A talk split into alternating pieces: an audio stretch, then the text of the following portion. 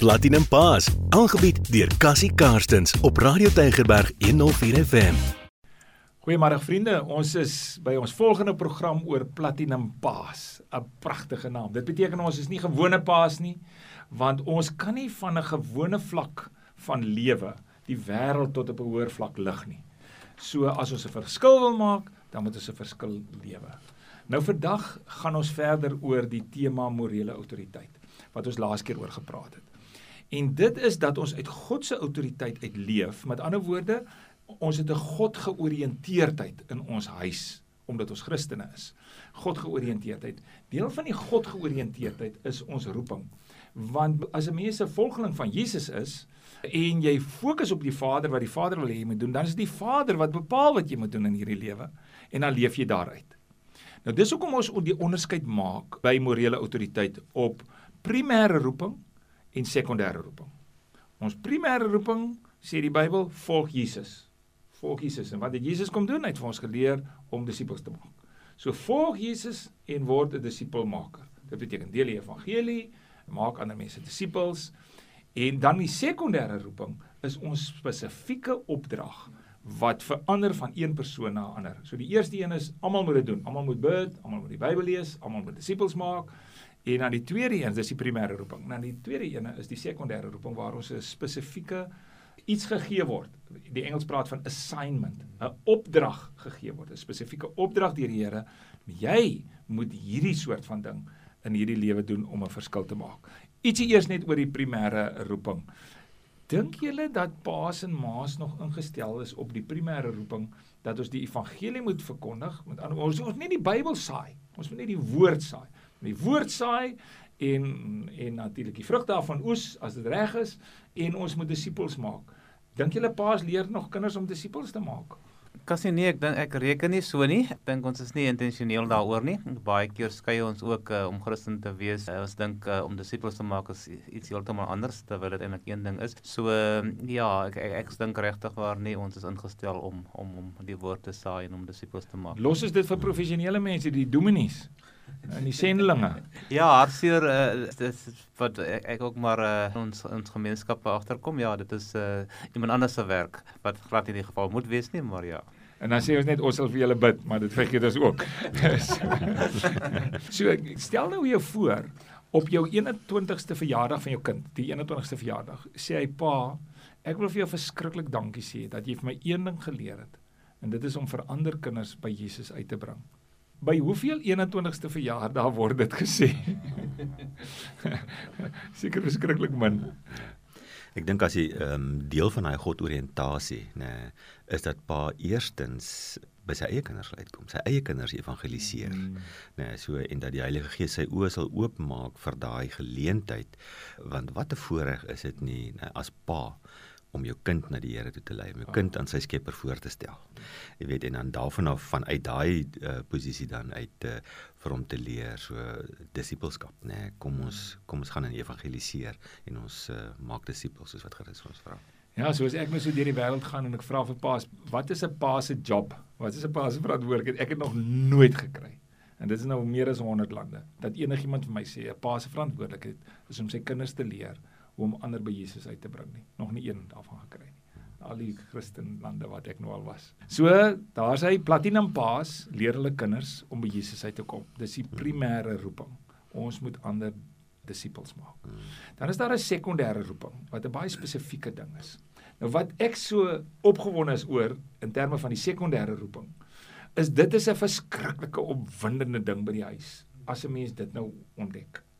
Nou die eerste is ons het nou al gesien dat jy behoort hier wat die kind op omtrent 11 jaar oud is, moet hy al sy lewensmissiestelling skryf, want dan kan hy al identiteit 'n bietjie verstaan. En deel van identiteit is jou roeping. Jy is dit wat jy doen. Jy is daarvoor wat jy jou vooruitstrek na. So roeping. So nou skryf hulle op 11, nou op 13 en 15 skuif dit bietjie aan, word hy anders geformuleer 18, 20 en so gaan jy reg deur jou lewe. Hoopelik as jy nou aan die ander kant halftime is wat so 43 jaar oud is vir die manne, as jy aan die ander kant dit trek met ander woorde 46, 47, 48, dan weet jy presies hoe jy jou lewe moet klaarmaak as jy in die gewoonte gekom het om jou spesifieke roeping te skryf. Nou die eerste een is jy moet hom eers kan skryf. En hoe help ons mense om dit te skryf? En dan die volgende wat ons oor gaan gesels is hoe deel ons dit met mekaar uh, by die huis. Nou my kort manier wat ek vir mense sê om jou roeping te skryf. Ons het 'n lang manier in ons opleiding. Is vat dit sommer 'n lang tyd om die waarheid te sê. Ons het al 'n ding waar dit 'n hele naweek vir jou vat en dalk 'n paar maande vat as jy wil fokus. Maar die kort manier is jy gaan na die dokter toe. Hy sê jy gaan definitief doodgaan in 5 jaar. Nou in COVID se tyd is dit baie meer realisties vir mense as voor dit. Jy gaan definitief doodgaan in 5 jaar. Maar die goeie nuus is jy gaan volle gesondheid hê vir 5 jaar. En dan die vraag is wat gaan jy vir hierdie 5 jaar doen? Nou terwyl jy met daai ding in jou kop stap, stap jy van die dokter af en jy kom in die parkeerterrein en daar ontmoet 'n ou jou en sy naam is Bill Gates. En hy sê ek het nou vandag vir jou 'n geskenk en hy gee vir jou 20 miljoen US dollar. En dis nog maar baie miljoene rande. Gee hy vir jou en jy sê ek gee dit sommer net vir jou. So jy het al die geld, so jy het geen verskoning nie. Dat 'n mens se kop net kan oopkom. Jy het nie afhanklik van geld nie. Jy het oor genoeg. Maar jy het net 'n paar jaar om te leef. Wat is daai ding waarvoor jy gaan leef? Daai spesifieke bydrae wat jy in jou tydjie op aarde wil lewer. Daai soort van die kort manier om vir mense te sê om daaroor te dink. Nou ek het dit met my vrou en my kinders gedoen, almal en uh dit was fenomenaal toe ek met my vrou daarmee sit en sy hoor by die Here want dis dis nou 'n groot gebed. Jy weet Here, wat moet ek doen? waarvoor het u my gemaak? En dit is dit so 'n hele lang tyd geneem. Toe sy by die Here hoor, ek moet kinders wat gemarginaliseer is deur HIV vigs spesifiek wat gemarginaliseer is, ek moet hulle oplei om 'n invloed te hê in hierdie lewe. En dit het 'n hele nuwe NGO veroorsaak in Kayamandi met derduisende kinders wat geïmpakteer is en in die proses in my vrou se lewe so radikaal verander en ons gesprekke is radikaal verander. So skielik laat die hele huis se oriëntasie nie mamma moet vir kinders kos maak en aflaai by die skool nie. Dit is ook gedoen. Maar nee, mamma bou aan die gemarginaliseerde kinders in Suid-Afrika, weeskinders meeste van hulle, sodat hulle bydra aan Suid-Afrika. So mamma in ons almal se oë is anders want mamma is nou deur God gestempel oor wat sy moet doen, byvoorbeeld. Alraai, kan ek gou-gou vir julle vra, vir julleself, julle eggenotes, julle kinders, watter verskil het die verstaan van roeping nou al gemaak op hierdie stadium?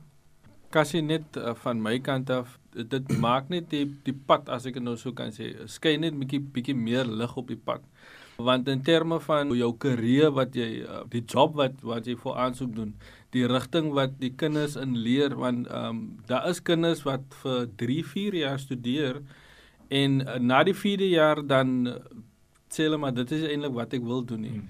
En 'n mens kan dit link ook met jou roeping so as jou kind weet uh, dit is sy roeping het hy min of meer 'n idee van in watter rigting hy moet gaan studeer, wat is die werk wat hy eendag wil wil hê so eintlik wanneer jy jou roeping het, is dit so maklik om keuses te maak um, want nou kom daar iets op jou pad nou is is dit deel van my roeping? Is dit deel van my roeping as jy dan weet ek okay ek hoef nou nie in daai rigting in te beweeg nie. So dit help met prioriteitskeuses. Ja. Uitstekend. Ja, ek wil net aansluit by wat Denzel sê want ek is uh, baie in kontak met hom en uh, vandat die Here sy roeping aan openbaar dat hy 'n nuwe mens. Uh as nie net 'n ekstra appel in sy stap nie, maar daar is net uh, soveel wat 'n mens kan sien in terme van die reward wat hy het en die bevrediging uit dit uit. Vir myself ook Cassie, ja, jy weet hoe ek van Gauteng af kom en die Here vir ons gesê het ons uh, lewe daar op die besigheids in die besigheidswêreld in Gauteng is nou die seisoen is klaar, ons moet terugkom Kaap toe. Het uh, die Here hier uh die ons roeping openbaar aan ons en en dit gaan oor gesonde gesinne deur leierskapontwikkeling en dit bring net soveel soos jy nou genoem het rondom tydsbestuur as een een aspek byvoorbeeld. Dit is net soveel beter tydsbestuur, maar uh, ja, om te kan leef buite, so dit gaan nie meer oor jouself nie, maar dit gaan oor ander. Dit is net absoluut awesome. Ja, en dan gemotiveerdheid, nee, jy staan in die oggend op En en uh jy het geen probleem as iemand Yes. vir jou vra jy weet waarvoor lewe jy nie. Jy jy kan dadelik vir hom vir 2 ure lank vertel waarvoor jy lewe want jy's gefikseerd, gemotiveerd, geënergeerd Ja.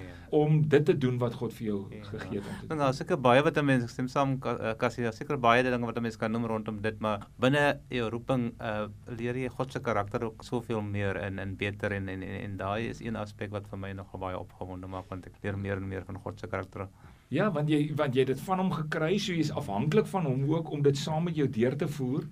Uh, en, en en in jou geval Warren wat van 'n hoogs geskoolde wetenskaplike wêreld kom en die Here stuur jou na mense en spesifiek op plase, jy weet om hulle te help. Dit was nogal 'n groot skuif geweest. Maar jy het nog eendag daaroor gekla nie. Nee, beslis nie. Ek is nou eergister weer op 'n plaas in die oggend 7 ure sê ek daar en net om soontoe te ry en en, en reeds voor die tyd te bid vir hulle en en, en net daai gesigte te te te beleef. Ja, nee, dit is is iets wat 'n mens nie in woorde kan beskryf nie. Absoluut awesome.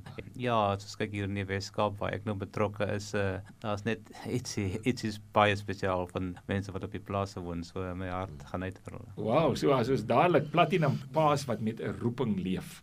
Want dit hou hulle gemotiveerd en geënergeerd.